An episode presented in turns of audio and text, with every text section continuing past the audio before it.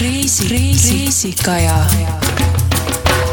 head kuulajad, mina olen Agatha Antson ja te kuulate reisilugudest pakatavat saadet Reisikaja. täna on meil saates Jaak Roosaare, kes on eh, selline suur investeerimis- ja rahalise vabaduse entusiast. aga Jaagul on ka teine suur kirg, see on reisimine. räägi, kuidas, kuidas reisimine sinu jaoks alguse sai? tere minu poolt ka no reisimine sai alguse sellest, et minu isa on geograafia õppejõud ja kuidagi, ma arvan, varasest lapsepõlvest on mul meeles see, et isa oli kogu aeg kusagil reisil ja, ja siis mingi aeg äh, käisime perega matkamas. ja kui ma ise keskkooli jõudsin, siis äh, oli just selline põnev aeg, et piirid läksid lahti, ma mäletan, äh, kui me esimest, oma esimene reis oli Soome laevaga, käisin trennilaagris seal ja siis esimene lend oli Frankfurti ühele noorteseminarile ja, ja siis ähm, see oli just see aeg, kus äh, Eesti astus Euroopa Liitu ja piirid avanesid, et sai ilma suurema viisa ettevõtmiseta reisida. et siis äh, keskkooli lõpus meil oligi klassikaaslastega selline mõte, et äh, sõidame häälega mööda Euroopat ringi, ma arvan, et päris paljud seda teinud.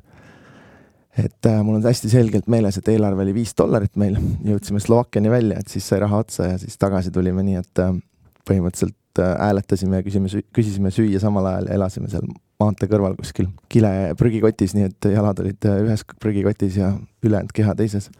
et äh, sellise hästi säästva eelarvega. aga mida vanemaks ma olen saanud, et mul pere ka armastab reisida ja see on selline minu meelest hästi äh, tore tegevus. kas kuidagi see reisimine on ka omajagu sind innustanud investeerima või innustanud raha, raha säästma? mm,? mul ei ole otseselt sellist unistust olnud, et ma koguksin mingi kindla reisi jaoks raha, et et pigem olen alati katsunud selle reisimise ühendada mõne muu tegevusega, et ideaalis, ideaalis reisimise käigus siis ka raha teenida või, ähm, või siis ähm, samal ajal näiteks äh, elada riigis, kus elu on odavam kui Eestis, et siis justkui iseenesest teenid raha samal ajal, kui reisil oled. millised sellised riigid on, kus sa oled elamas käinud? viimased ähm, kolm-neli aastat on olnud selline eesmärk, et talvel vähemalt niisugune äh, umbes kuu aega perega kusagil soojemas kliimas elada. ja tegelikult äh,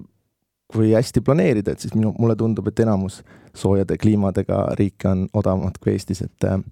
me kuu aega elasime mm, Tenerifel, et seal oli põhimõtteliselt kõik asjad odavamad kui Eestis. ja siis eelmine aasta elasime Balil ja seal noh, sisuliselt ka, et äh, võib-olla õlu oli kallim kui Eestis, aga kõik ülejäänud asjad olid odavamad. selline talveks äh, soojale maale minek on paljude eestlaste unistus kirjelda seda elu seal kohapeal, et kui, kui nüüd minna, kuu aega on natuke teistmoodi reisimine, kui lihtsalt minna nädalaks või kaheks puhkama. mida te terve perega seal teete? no Tenerifel oli selles mõttes tore reis, et meil olid ka vanavanemad kaasas, ehk siis minu ja mu abikaasa vanemad et oli selline veidikene suguvõsa kokkutuleku moodi reis. peamine argument minu jaoks ongi lihtsalt kliima, et, et mulle hästi meeldib hommikul ärgata koos päikesega ja käia ujumas hommikuti ja et seda on Eestis raske korraldada, et siis otseselt mingit sellist suurt eesmärki, mida seal peaks tegema, et käia kõik kirikud läbi ja kõik turisti vaatamisväärsused, et otseselt ei olnud. aga kui kuu aega olla kusagil, et siis see ongi selline suur pluss sellisel pikemal reisil, et sa saad natukene rahulikumalt hingata, et ei ole sellist survet peal, et täna sinna, homme tänna. et minu meelest kaks nädalat on selline miinimum, et, et ma katsun mitte väga teha selliseid reise, mis on alla kahe nädala. sest et kui on selline nädalane reis, et mul on selliseid tööreise, mis on nädalased, et siis reeglina sinna lendamine, pakid asjad lahti, jõuad paar päeva kohal peal olla ja siis hakkad juba tagasituleku peale mõtlema, et et ma arvan, kaks nädalat on selline ideaalne ja, ja üle kuu aja ma olen USA-s olnud mõned suved, kus ma olen elanud siis terve suve, et siis äh, mina isiklikult hakkan nagu vaikselt juba koduigatsust tundma pärast kuut aega, nii et see kuu on niisugune optimaalne. sa oled palju Ameerikas ringi reisinud. mis on sinu lemmikpiirkonnad või, või kus sulle on kõige rohkem meeldinud? No USA-ga on mul jah, võib-olla selline kõige sügavam side Eesti kõrval, et ma arvan, et ma olen näiteks Ameerikas autoga rohkem sõitnud elus kui, kui Eestis. et äh, ma aastal kaks tuhat kaks sattusin esimest korda raamatuid müüma Ameerikasse ja siis sellest saadik ma olen iga, iga aasta vähemalt äh, kaks-kolm nädalat Ameerikas äh, veetnud. mulle endale tegelikult meeldib California ja siis meeldib mulle Colorado, Montana, et, et sellised ähm, kohad, kus on, kus on mäed ja kus on natukene sellised ähm, heas mõttes euroopalikumad inimesed. aga seal on ju, mägiseid piirkondi on nii palju, millised on need sellised võib-olla eestlase jaoks kõige, kõige põnevamad? no näiteks paar aastat tagasi oli meil selline reis, kus ma üritasin siis enda jaoks kokku panna sellise ideaalse unelmate Ameerika puhkuse, et et äh, mul tööasjades oli alguses siis vaja olla Nashville'is, TNS-is, et seal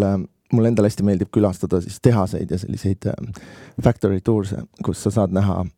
mingit reaalset tootmist, et siis mul oli võimalus Corvette'i tehases käia, Nissani tehases seal Nashville'i lähedal. siis ma sõitsin Floridasse, elasime paar nädalat seal ja siis sealt lendasime Coloradosse äh, rahvusparke matkama, et äh, see oli minu, minu jaoks selline ideaalne kombo, et, et Florida on siis selline koht, kus on rannapuhkus ja hästi palav äh,. mägesid ei ole ja Colorado siis äh, oma mägede ja, ja rahvusparkidega minu jaoks on selline võib-olla, ma arvan, eestlase jaoks kõige ägedam koht, kui mingi Alaska või Hawaii kõrvale jätta, et, et mis on just selline, mida Eestis ei ole, et, et Eestis meri ja kõik muud asjad on olemas, aga mägesid väga ei leia. aga mis piirkond on Ameerikas selline, mis sa tunned, et on veel avastamata, aga väga-väga tahaks minna? Alaska on selline, kuhu mina pole jõudnud, et tudengid, kellega ma koos töötan, et äh, iga suvi eestlased müüvad tegelikult Alaskas, et äh, aga lihtsalt sinna lendamine tundub niisugune ebapraktiline siiamaani, et äh, et kunagi tahaks sinna minna sellisele natuke pikemale, kas siis äh, selle autosuvilaga reisile või siis äh, mingile Alaska kruiisile, et üks kahest ähm,. ja rohkem vist osariike, kus ma ei oleks käinud, ei olegi, et ülejäänud osariigid ma olen kõik läbi käinud. ja lemmikud siis kõikide nende seast on Colorado ja äh, Colorado ja Florida vist jah, et äh, nad on nii vastandlikud, et, et minu meelest kui saab neid korraga nautida, et pool puhkust ühes, pool puhkust teises, siis on, siis on ideaalne ja, siis võib-olla Vermont ja see Uus-Inglismaa piirkond on ka tore, et natuke Eesti sarnane ja, ja hoopis teistmoodi kui ülejäänud Ameerika, et meeldib mulle see ka. mis mõttes Eesti sarnane? no näiteks me nüüd paar kuud tagasi käisime seal, elasime ühe kohaliku pere juures Airbnb sellises majas ja need inimesed olid noh, seal on esiteks niisugune Euroopa päritolu inimesi rohkem ja, ja Vermont eriti on selline, tundub, et nad hästi hoolivad sellisest väiketootmisest ja neil on suhteliselt ranged piirangud, näiteks autoteedel ei tohi näidata suurt reklaami. Äh, kõik asjad on üritatud hoida sellised vanamoe, moelised ja, ja veidikene, veidikene teistmoodi kui ülejäänud Ameerika, et tundub, tundub selline kodusem ja väiksem ka kui sa nii, nii palju oled seal Ameerikas käinud ja pidevalt lähed sinna tagasi, kas ei ole tekkinud tunnet, et võiks sinna elama jääda? See suvi esimest korda, kui ma Colorados sõitsin rattaga seal suusamägede vahel, siis ma tõsiselt sõitsin just ühest koolist mööda ja siis ma mõtlesin, et äh, päris tore oleks äh, aastakene vähemalt elada seal nii, et lapsed käiksid kohapeal koolis ja, ja ise, ise saaks siis ka keskenduda siis äh, suusatamisele ja kõigele sellele, et ei peaks mõtlema, et mis nüüd järgmine kuu töö raames teha on vaja. aga ma päris nii kaugele ikkagi ei ole jõudnud, et meil lapsed on sellises vanuses, et, et nad just harjuvad Eesti kooliga, et siis neid välja kiskuda ja USA kooli panna tundub praegu selline liiga suur ettevõtmine, et me oleme mõelnud seda ideed, et võib-olla paari aasta pärast minna pooleks aastaks äh, Hispaaniasse, et kus on seal Marbella kandis Eesti kool, et, et saaks siis äh, proovida, kuidas meile tundub elada kauem kui kuu aega kusagil muus riigis. seda mõtet, et ma nüüd Eesti ukse kinni lööks ja kolikski sinna, seda ma kindlasti teha ei tahaks, aga minu jaoks ütleme, see kuu aega on juba selline, selline piir, kus võib öelda, et nüüd ma nagu elan seal.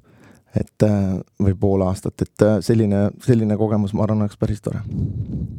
ameeriklaste kohta öeldakse, et ah, et nemad ei tea Euroopa riikidest midagi, aga sama öeldakse ka eurooplaste kohta, et eurooplased arvavad, et ah, et üks Ameerika kõik, aga tegelikult on see ju nii suur, nii suur riik ja, ja nii paljude erinevate inimestega. kuidas sina tundsid seda inimeste erinevust võib-olla siis, et piirkonniti, et kus sulle tundus rohkem, et, et võib-olla on võib-olla sulle meeldivam, kus tundus, et, et sinu jaoks olid inimesed ikka noh, täiesti kuidagi see kultuur oli nii teistmoodi kuidas see sinu jaoks välja joonistus? ma arvan, et see on tõsi jah, et, et eestlased arvavad, et ameeriklased on jobud, et nad ei tea, ei tea, kus Eesti asub või et mis on Soome pealinn, et aga samamoodi ma arvan, et enamus eestlasi ei tea, mis on Vermonti pealinn, eks ole, et, et tuleb panna asjad konteksti. ja kui ma raamatuid müüsin, et siis äh, ma töötasin äh, enamus aega seal keskosariikides, Indianas, Illinoisis, aga ühe suve töötasin siis Montanas ka, kus on hoopis teistsugused inimesed ja, ja noh, nagu alguses sai mainitud ka, et minu meelest Uus-Inglismaa inimesed võrreldes näiteks Florida või Georgia inimestega on kindlasti teistsugused, et et äh, kuna meil see raamatumüügiettevõtte peakorter asub seal Nashville'is äh,, Tennessee's, et siis seal on ka selline southern ähm, piirkond, kus siis inimestel on natuke teistsugune inglise keel ja äh, hästi palju on selliseid äh, nii-öelda parempoolseid kristlasi äh,, kelle maailmavaade on siis hästi-hästi suunatud äh, eraisiku sellistele õigustele, et kõik võivad relva kanda ja ja hästi palju siis ja Jumala ja Jeesuse ja usuga seotud äh, versus siis California, et ma mingi aeg käisin sõpradel külas seal Silicon Valley's, et siis seal on nagu, tundub veidikene teistmoodi, et inimesed on rohkem vabameelsed ja rohkem demokraate ja nii edasi, et ma arvan, see läheb hästi selle poliitilise maailmavaatega ka kokku. ja siis äh, paaril viimasel suvel mul oli võimalus müüa äh, Amishitele raamatuid ka, et kes on siis täiesti teine selline väike rahvusgrupp, et äh, kes elektrit ei kasuta ja sõidavad hobustega, et, et see oli nagu selline täiesti uskumatu kogemus, et äh, tänases maailmas elavad inimesed sellises oma väikeses community's äh, ja, ja need inimesed, kes, kellel ei olnud ei internetti ega elektrit, teadsid näiteks Eesti presidenti ja, ja Eesti kohta sageli rohkem kui inimesed, kes, kes elasid siis kusagil tänapäevases maailmas kust nemad siis oma info saavad? Nad loevad hästi palju, et see oli huvitav, et kuna kuna neil ei ole elektrit, siis ei ole telekat, siis ei ole arvutit, et siis tuleb oma aega sisustada lugemisega, et et äh, kõikidel peredel oli seal päris palju, käisid ajalehti ja, ja lugesid äh, nii-öelda selliseid äh, ilukirjanduslikke teoseid ja, ja piibliga seotud raamatuid, aga lihtsalt ka hästi palju entsüklopeedia sarnaseid teadmeteoseid. kus piirkonnas Amishid elavad? Nad elavad ka peamiselt seal keskosariikides, et kõige suurem on Ohio ja Indiana ja siis mina käisin neil külas ka Iowas, Kentuckis ja Illinoisis, et et äh, siis selline piirkond ja siis on neid Kanadas ka mm, kas nad on nagu sellise kogukonnana koos pigem või on, või on hajutatult, elavad erinevad? Äh, nad elavad jah, kogukondades, et neil on selline huvitav printsiip, et äh, neil ei ole sellist oma kirikut kui sellist hoonet, vaid käiaksegi kordamööda üksteise kodudes. Ja iga see nii-öelda church district inglise keeles või kirikupiirkond siis koosneb kuskil kahekümnest, kolmekümnest perest, kes elavad siis geograafiliselt nii lähedal, et saab hobuvankriga üksteisel külas käia ja kui siis, ähm, kui siis see kogukond suuremaks kasvab, et siis ta justkui pooldub, et äh, osa kogukonda siis moodustab omale uue kiriku ja niimoodi vaikselt siis need piirkonnad kasvavad. et tegelikult see on hästi huvitav selline kogukond selle mõttega, et nende kasvuprotsent on nagu üldse maailmas kõige suurem, et neil keskmine pere on seal kuskil kümme kuni kaksteist last. et mina kohtasin peresid, kellel oli üle kahekümne lapse, et oli suhteliselt niisugune teistsugune kogemus Mm, aga kuidas nemad suhtuvad, no sina läksid sinna raamatuid müüma, kuidas nad suhtuvad turistidesse? Mm, no kui lugeda nende kohta, et siis on igal pool hoiatused, et nad on sellised kinnised ja ärge nendest pilti tehke ja nii edasi, et äh, aga tegelikult olid nad küll väga sellised avatud, et et äh, me elasime ise ka paari, paari pere juures, kes meile siis nagu öömaja pakkusid. et äh, nad olid hästi ettevõtlikud, et mul üks tuttav, kes ka nendele raamatuid müüs mitu suve, kirjutas nende ettevõtlusest eraldi raamatu, et et neil on huvitav see, et neil peaaegu ükski ettevõte ei lähe kunagi pankrotti. Et äh, see community siis, äh, kui kellelgi on raske majanduslikult, siis tuleb appi, nad ei kasuta kindlustust, et äh, justkui ise kindlustavad ennast, neil ei ole tervisekindlustust. et sellised huvitavad põhimõtted on neil ja, ja samal ajal oli jah see, et, et nad olid nagu valmis hea meelega jagama, mis nende elus toimub, meid kutsuti sinna kirikusse, saime osaleda nende selles jumalateenistuses ja nii edasi. aga et see initsiatiiv peab justkui sinult endalt tulema, et äh, nad ise nagu ennast ei reklaami, et pigem hoiavad, hoiavad varju aga need, kui turistina läksid huvitatud, siis, siis tõenäoliselt ikkagi nad avavad oma elu sulle. Ehm, nojah, aga eks see sõltub sellest ka, et äh, millises piirkonnas sa oled, et äh, neil on sellised äh, Ohios ja Indianas paar suuremat piirkonda, kus ongi ehitatud selline suur turismitööstus nagu Amishite peale üles, et et siis seal need inimesed olid natuke rohkem kinnised versus siis Iowas näiteks, kus oli selline piirkond, kus elaski kolmkümmend, nelikümmend peret, et siis seal kõik tundsid kõiki, olid rohkem nagu avatud, et et eh, eks see sõltub sellest, kui nii-öelda ära, ära kahjustatud nad juba selle turismi poolt on, et see tundub väga selline lähedane kultuuriline kogemus, mis seal Amishite juures oli. kui palju raamatuid müües sa saidki niimoodi nii-öelda inimestele lähedale või, või saidki äh, aru, kuidas nad elavad või, või kuidas see nende kohalik kultuur on? no ma arvan, et tegelikult see ongi võib-olla üks kõige suurem põhjus, miks miks mina mitu suve käisin raamatuid müümas ja miks ma arvan, et see on tudengile hea, hea kogemus, et äh, sul on võimalus siis justkui kellegi teise ellu vaikselt piiluda. ja kui mina alustasin, siis ma olin ise esimese või teise kursuse tudeng, kahekümneaastane, et äh, ja pered, kellega ma seal suhtlesin, olid lastega pered, nii et nad olid must umbes kümme aastat vanemad ja oli, oli selline põnev äh, õppetund näha, et milline tegelikult siis elu mind ja teisi minu eakaaslasi ees ootab. et see andis mulle inspiratsiooni tegelikult ka enda raamatute kirjutamiseks, et äh, ja, ja noh, üks asi oli nagu müügiprotsessis neid peresid kohata, aga teine asi oli siis see, et me iga suvi elasime ka peredes, et äh, mõnes mõttes on see sarnane siis sellise vahetusõpilase programmiga. et ähm, ma elasin äh, seitsme suve jooksul vist kuskil kümne, kümne, üheteistkümne erineva pere juures, et et see oli ka päris niisugune põnev kogemus, et äh, näha kõrvalt siis sellist äh, Ameerika pereelu. aga noh, minu jaoks need Amishid olid võib-olla niisugune kõige värvikam, aga Montanas äh, puutusin kokku näiteks kohaliku vene kogukonnaga, et seal oli selline ka mingi usuga seotud grupp, kes oli Venemaalt kunagi kiusamisest ära lah-, ära põgenenud, kes omavahel ikkagi vene keelt rääkisid ja ja, ja siis ma olen kohanud väliseestlasi päris palju Illinoisis, eriti Chicago lähedal, mis oli selline põnev, et sattusin päisepäeval mingi vanamehega kokku ja esimese asjana pandi Viru valge lauale tuli siis Eesti auks tähistada. et, et neid kogemusi on ikka hästi palju olnud. Sa kirjeldasid Ameerika peres elamist. kuidas erineb nii-öelda Ameerika pere elu võib-olla meie Eesti elustiilist? kui mina alustasin kaks tuhat kaks, et siis äh, tundus nagu, et Ameerika või kõik, mis mis siis oli Ameerikas, mida Eestis veel ei ole, on, on tänaseks nagu vaikselt siia jõudnud, et et peaaegu tundus selline võimalus, et ühelt poolt ma nägin nagu tulevikku nii-öelda vanuse perspektiivist, et kuna mina olin kümme aastat noorem nendest inimestest, kellega ma suhtlesin, aga teisalt oli ka siis Ameerika selline igapäevane elu ja, ja majandus, ma arvan, Eestist ikkagi kümnendi jagu ees et tänaseks päevaks äh, tundub, et hästi palju asju on nagu omaks võetud, et inimesed elavad järjest rohkem sellistes äh, eeslinna piirkondades, peres on kaks autot ähm,. inimesed äh, töötavad järjest rohkem ja et, et see oli see, mis Ameerikas silma hakkas, et äh, eriti näiteks mõne suurlinna lähedal, Chicago lähedal elades, et siis sisuliselt ikkagi äh, päris selline karm elu oli inimestel, et äh, eriti isadel mulle jäi silma, et, et pandi hommikul kella neljast tööle, et ummikust ette jõuda ja õhtul jõuti kuueks koju tagasi ja siis sageli laupäev oli ka niisugune pooleldi tööpäev, et ja pühapäeval oldi pool päeva kirikus, et sellist nagu väga vaba aega vähemalt nende peredega, kellega mina kokku puutusin, tundus, et ei olegi inimestel, et et, et minu meelest USA-s see töökultuur ja suhtumine töösse on, on tõsisem kui Eestis, et Eestis inimesed puhkavad rohkem. ja noh, teine asi, mis silma hakkas nüüd viimastel aastatel, kui mul endal lapsed on, et lihtsalt Äh, eestlased peaks väga tänulikud ja õnnelikud olema selle emapuhkuse ja kõige selle äh, sotsiaalse toe eest, mis meil siin äh, noortel vanematel on, et et Ameerikas mul olid tuttavad, kes vist, kui laps oli kahekuune, olid juba tööl tagasi, et, et mingit emapuhkust või sellist asja ikkagi väga seal ei ole. aga kuhu nad siis lapse jätavad?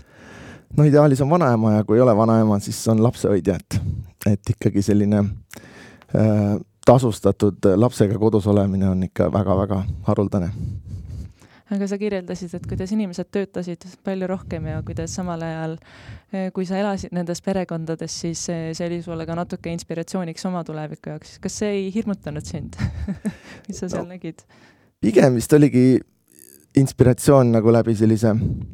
hirmutava näite, et et mitte niivõrd nende perede juures, kus ma elasin, et me sageli elasime just sellistes peredes, kus lapsed olid juba kodust läinud, et kus oligi nii-öelda empty nesters või sellised, vanematel olid lastetoad tühjad ja neil oli nagu huvi võtta sinna kedagi uuesti kära tekitama, et natuke meenutada seda aega, kui lapsed majas olid. aga just selle töö käigus ma kohtusin sageli nende peredega, kes, kes siis äh, minu meelest töötasid liiga palju ja, ja noh samal ajal neil oli hästi palju asju ja, ja samal ajal ei olnud jällegi asju, aega neid asju kasutada, et et üks selline oluline järeldus, mis mina endale tegin, oli see, et et võib-olla aeg, aeg on nagu olulisem kui asjad, et, et pigem katsuda siis jõuda sellisesse olukorda, kus ähm, mingi osa sinu sissetulekust tuleb passiivselt või läbi investeeringute, et sa ei pea, sa ei pea nagu iga päev nullist alustama, et ähm, noh,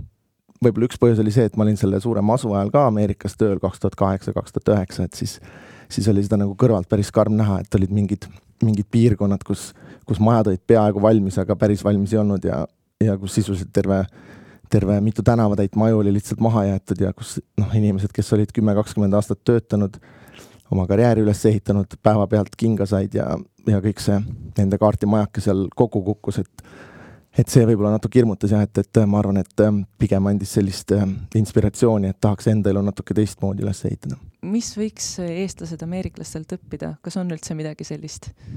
mulle meeldis see, et ameeriklased olid hästi patriootlikud ja noh, eks Eestil see patriotism tuleb välja, kui on iseseisvuspäev või kui oli nüüd paar, paar nädalat tagasi see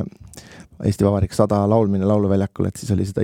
patriotismi ka tunda, et ma arvan, see on eestlastel sees, aga Ameerikas kuidagi inimesed väljendavad seda nagu julgemalt või igapäevasemalt, et et ja ollakse hästi uhked nii oma sõjaväe üle kui, kui üldse inimeste üle, kes sõjaväes näiteks käivad, et et see on üks asi, mis mulle endale meeldis. ja siis noh, me ei saa üle ega ümber sellest, et selline naeratamine ja small talk'i tegemine on Ameerikas inimestele kuidagi lihtsam ja sisse juurdunud, et ma mäletan, kui ma pärast esimest suve Eestisse tagasi tulin ja sõitsin Tallinnast Tartusse koju bussiga, et siis üritasin ka bussijuhile naeratada ja sellist small talk'i teha piletit ostes ja siis siiamaani on meeles, et oli niisugune eriti törssis nägu ja niisugune kulmukortsutus ja, ja isegi vist palun ei öeldud vastu, kui ma piletit ostsin, et et, et see on üks asi, mis võib-olla eestlased võiksid õppida ameeriklastelt, et, et on okei okay äh, olla selline äh, sõbralik ja avatud inimestega. Ja noh, see on niisugune kahe otsaga ka, et et äh, kui ameeriklane küsib sult, et how are you doing, et siis ta tegelikult ei eelda, et sa hakkaksid talle rääkima oma, oma probleemidest või elust-olust, on ju, et, et see on natukene niisugune pinnapealne, aga see on ikkagi tore ja minu meelest äh, selline positiivne ellusuhtumine on seal inimestele tavapärasem kui Eestis ma olen märganud äh, Ameerikas reisides, et, et põhjas ja, ja lõunas on ka see suhtumine natuke erinev, et võib-olla New Yorgis, kui inimesed ütlevad how are you, siis nad noh, tõesti neid, neid tegelikult üldse ei huvita, sest neil ongi nii kiire. aga, aga lõunas Texases äh, tihtipeale, kui inimesed küsisid how are you, siis mina arvasin ka, et noh, tegelikult neid ei huvita, ma vastasin vastu, ah jah, how are you. aga tegelikult neile läks korda ja nad tahtsidki teada, kuidas läheb. et kas sul oli ka mingeid selliseid kogemusi? ja kindlasti, et äh et äh, noh, alustades sellest, et kui ma mainisin, et ma olen Eestist, eks ole, et äh, riik, millest enamus midagi ei teadnud, et siis ikka alati oli, oli huvi äh, uurida, et mis Eesti on ja kus ta asub ja, ja kuidas meil ikkagi ajalugu on ja nii edasi. et ma arvan, et Eesti raamatumüüjad iga suvi teevad Eestile väga kõva turundust Ameerikas ja tutvustavad siis meie, meie toredat riiki. Ähm, ja jah, et selles mõttes kindlasti, et mul vend elab ja töötab New Yorgis, et ma käisin tal ka külas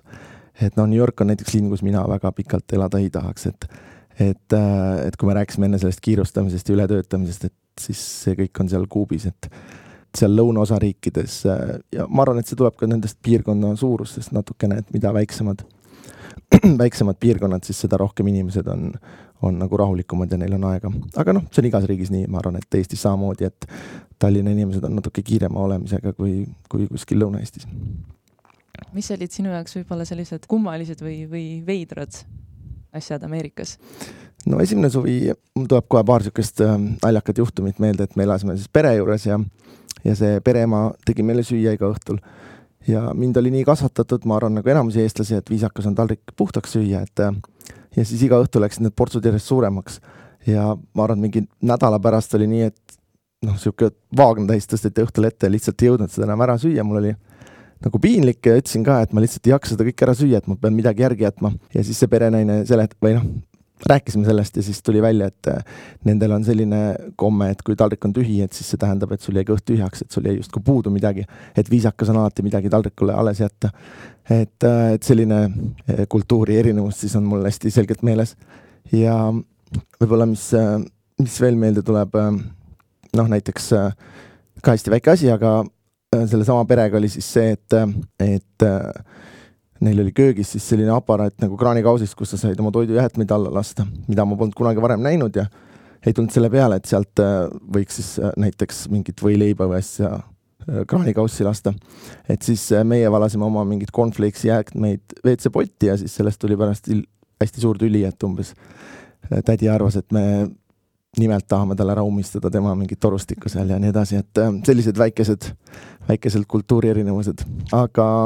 ma arvan, et äh, noh, mida rohkem ringi reisida, et siis seda kiiremini harjud selliste asjadega. mis mind veel üllatas, oli kliima, et näiteks äh, öeldi küll, et seal Ameerikas on päris palav, aga noh, siiamaani on see, et kui Floridas hommikul ukse lahti teed, et siis see saunatunne lööb korraks nagu hinge kinni, et et äh, sellised asjad. Aga Floridas, kui sa puhkamas käid, mis piirkond sulle kõige rohkem meeldib mm,? meie lemmiklinn on niisugune Naplesi nimeline linn, ehk siis äh, asub seal lõuna, lõuna-läänes, Southwest Floridas. et äh,, et siis äh, kuidagi oleme sinna sattunud ja,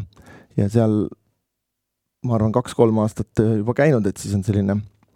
hea tuttav tunne sinna tagasi minna, et, et siis mulle meeldib just see lõuna-lääne osa Floridast. Aga mingi aasta me olime ka Orlandos, et seal, kus Disneyland on ja kõik muud atraktsioonid, et lastele meeldis seal ka väga, et et ähm, noh, ja tegelikult see Florida on ka oma olemuselt nii suur ja erinev, et et äh, käia seal Key Westis on hoopis teistsugune piirkond kui Orlando, et et seal saab ka ri äh, ringi reisida päris mitu, mitu korda, enne kui igav hakkab, ma arvan. aga mida seal teha võiks või mis nendes piirkondades sellist äh, erilist on või millisele turistile oleks ka näiteks siis Orlando või Key West või? no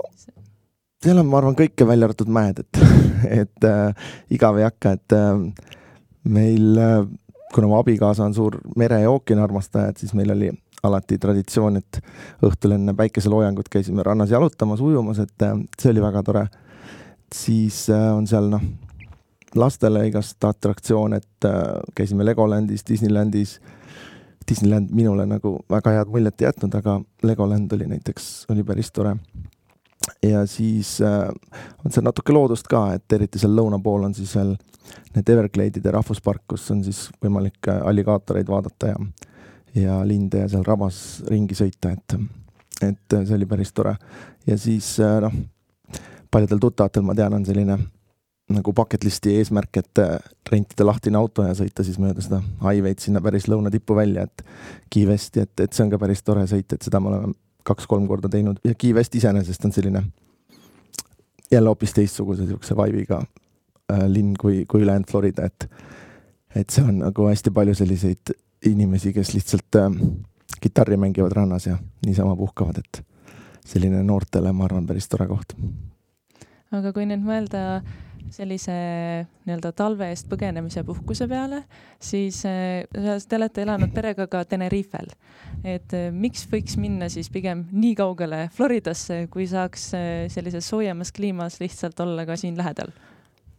jah, kui kellelgi nagu USA-ga mingit varasemat kokkupuudet ei ole, et siis tõesti Tenerife on lihtsam ja odavam ja sama valuuta ja sama riik ja ajavöönd on lihtsam ja kõik muu, et äh, raske on võib-olla otseselt välja tuua kui hakata mõtlema, noh, minule nagu meeldis, vahepeal oli USA dollar kuidagi euro suhtes sellise kursiga, et Ameerikast oli kõik odavam öö, osta endale, et, et siis me käisime justkui riideid ka sealt ostmas. võib-olla üks asi, mis Floridas, mis enne mainimata, mis, mis mulle ja mu pojale nagu väga meeldis, on oli see kosmosejaama keskus seal ähm,. et me käisime siis neid kuurakette vaatamas ja kõiki neid asju, et seda siis Tenerifel otseselt ei näe aga tegelikult ma arvan, niisugune hinnakvaliteedi suhtes on Tenerife kindlasti äh, üks parimaid, et, et seal väikesel saarel on mägi, on, et justkui Colorado, Florida kokku pandult on seal Tenerifel võimalik kätte saada, et mulle endale meeldib rattaga ka kõvasti sõita, et siis äh, ei ole minu meelest äh, väga palju paremaid kohti rattasõiduks kui Tenerife, et, et, et siis äh, rahaliselt kindlasti on, on hea koht.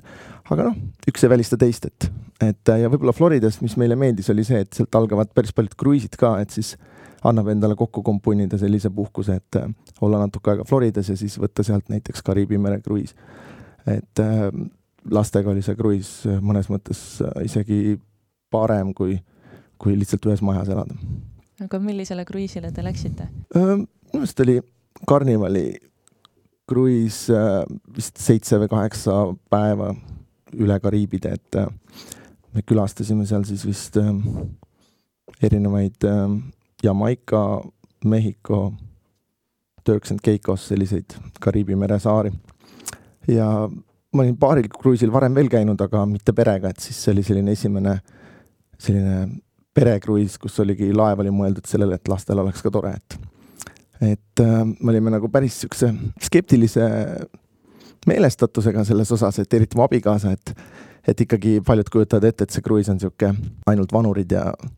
ja põhimõtteliselt hommikust õhtuni istud seal restoranis ja sööd lihtsalt, et aga noh, tegelikult seal suures laevas oli päris palju tegemist, et äh, nädal aega läks suhteliselt ruttu ära ja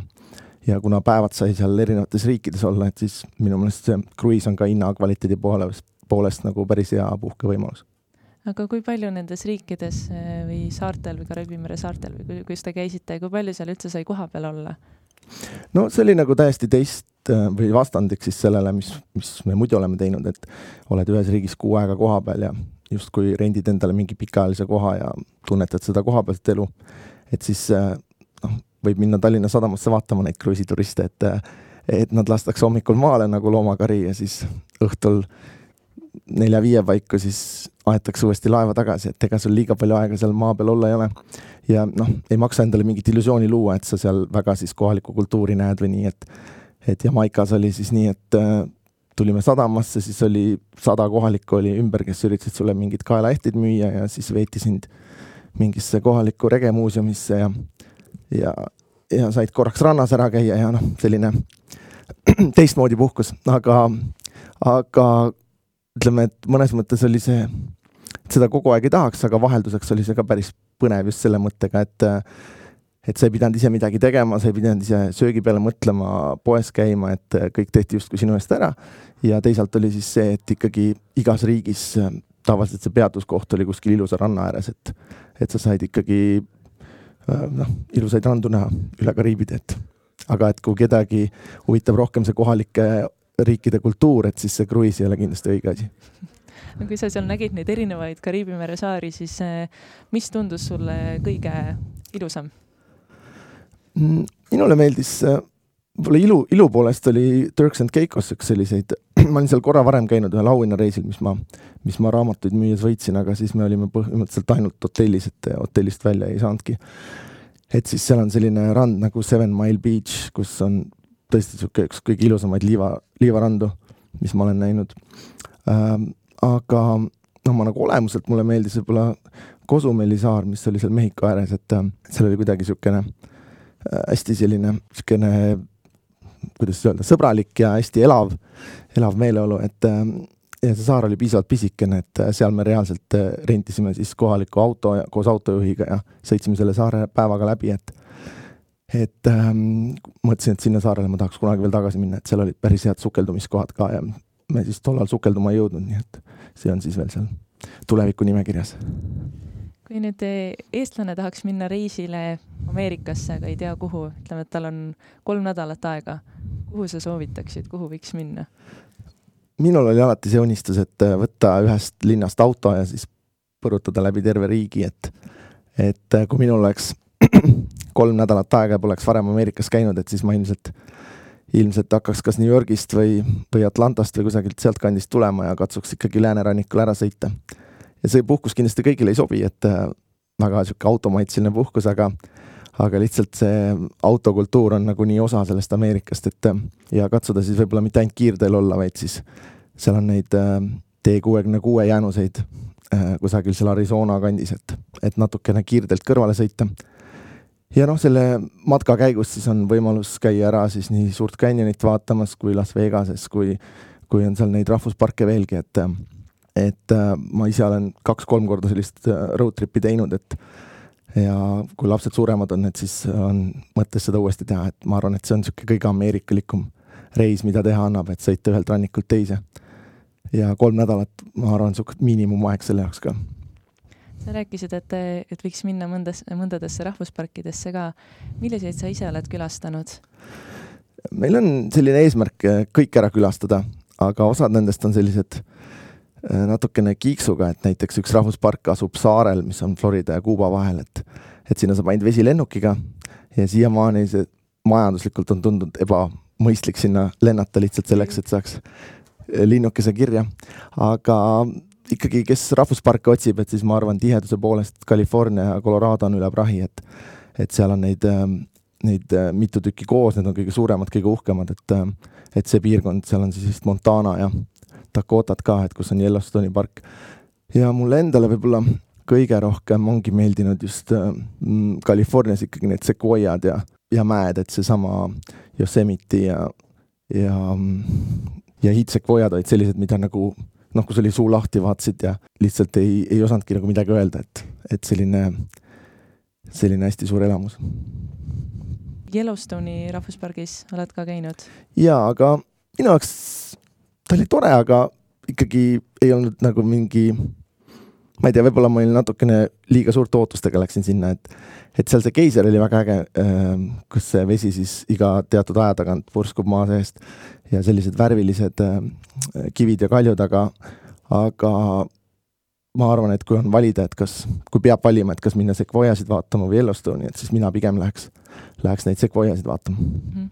ja kas on veel mõni sellisem rahvuspark, mis on sulle elava mulje jätnud, et võrreldes nende kuulsatega nagu Grand Canyon ja siis see Yellowstone, nagu sa just mainisid? jah, mm, me tegime ühe reisi siis ka sinna idaranniku poole, et seal on neid natukene hõredamalt, neid parke. et siis tasub külastada Mammuti koobast, mis on Kentuckis. et äh, sealsamas kõrval on Corvette'i autotehas ja erinevate bourbonite tehased, nii et, et saab mitu asja korraga teha. ja siis, äh, mis tegelikult meid hästi üllatas, et ei olnud väga kõrgeid ootusi, aga on Akaadia rahvuspark, mis on siis äh, Maine'is kohe idarannikul. Ja niisuguse huvitava faktina, et see tegelikult on kõige inimkülastatud rahvuspark Ameerikas, et ma arvan, et enamik eestlasi ei ole kuulnudki seda lihtsalt selle tõttu, et seal ümberringi elab väga palju inimesi, et siis ta on selline natuke väiksem ja ei ole seal selliseid suuri mägesid, aga lihtsalt kogu see ookean ja, ja mäed ja kõik kokku panna on, on väga-väga ilus. et sinna võib-olla tasub just sügise kanti minna, et kui on need lehed punased, et siis on kogu see Uus-Inglismaa väga ilus.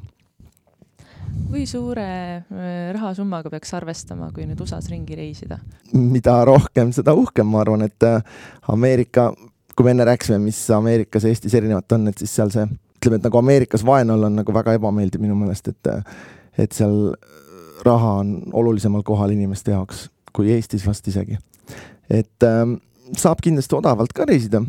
no näiteks kui võrrelda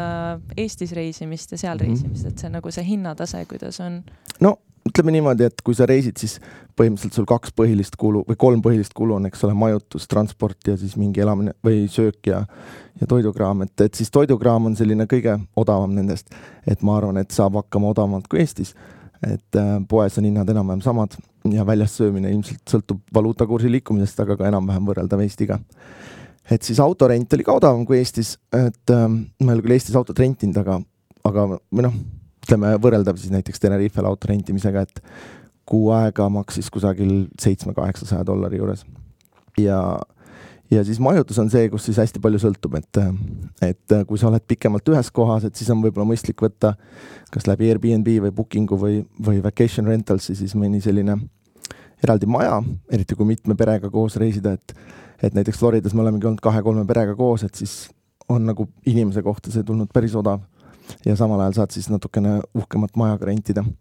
kui nüüd teha sellist road trip'i ja olla motellides, et siis äh, kui me alustasime tudengitena, eks siis me võtsime Motel Six'i ja kõige odavamaid, mis seal pakkuda oli, et siis ma mäletan nelikümmend üheksa ja kuuskümmend üheksa dollarit öö oli selline tavaline taks. et nüüd, kus äh, lapsed on ka, et siis äh, sinna päris kõige odavamatesse motellidesse ei ole enam läinud, et siis peaks arvestama saja, saja viiekümne dollariga öö kohta. et, et, et see, ma arvan, on see, mis ajab selle reisi hinna üles, et kui käia kolm korda või noh, hommikusöök on hinna sees, aga kaks korda päevas söömas ka perega, et siis ma arvan, suhteliselt lihtne on neli-viissada dollarit päeva peale ära kulutada, et, et aga, aga saab odavamalt ka, et, et, et näiteks Colorados me käisime see aasta reisimas oma vennaga koos ilma laste ja abikaasadeta, et siis elasime telgis ja autos ja oli, oli väga odav, et, et kuidas keegi tahab, et et ma arvan, et ta on ikkagi suhteliselt võrreldav Eestiga, et, et see on tore, et viimase paarikümne aastaga Eesti elatustase ja palgad on nii palju tõusnud, et et saab nagu hakkama igal pool maailmas kas sul on selleks talveks ka või kas teil perega on juba plaanid, kuhu nüüd minna? see talv on selline aasta, kus me siis kuhugi ei lähe, et meil novembris sünnib kolmas laps ja siis äh, ma muidugi serveerisin abikaasale ideed, et mina võiksin minna kuhugi suusareisile, aga, aga leppisime kokku, et oleme siis kõik kodus, et see talv. Et siis äh, see aasta meil oli nii palju reise, et nüüd ongi aeg natukene kodus istuda ka. aitäh mm! -hmm, palun. reisi, reisi, reisikaja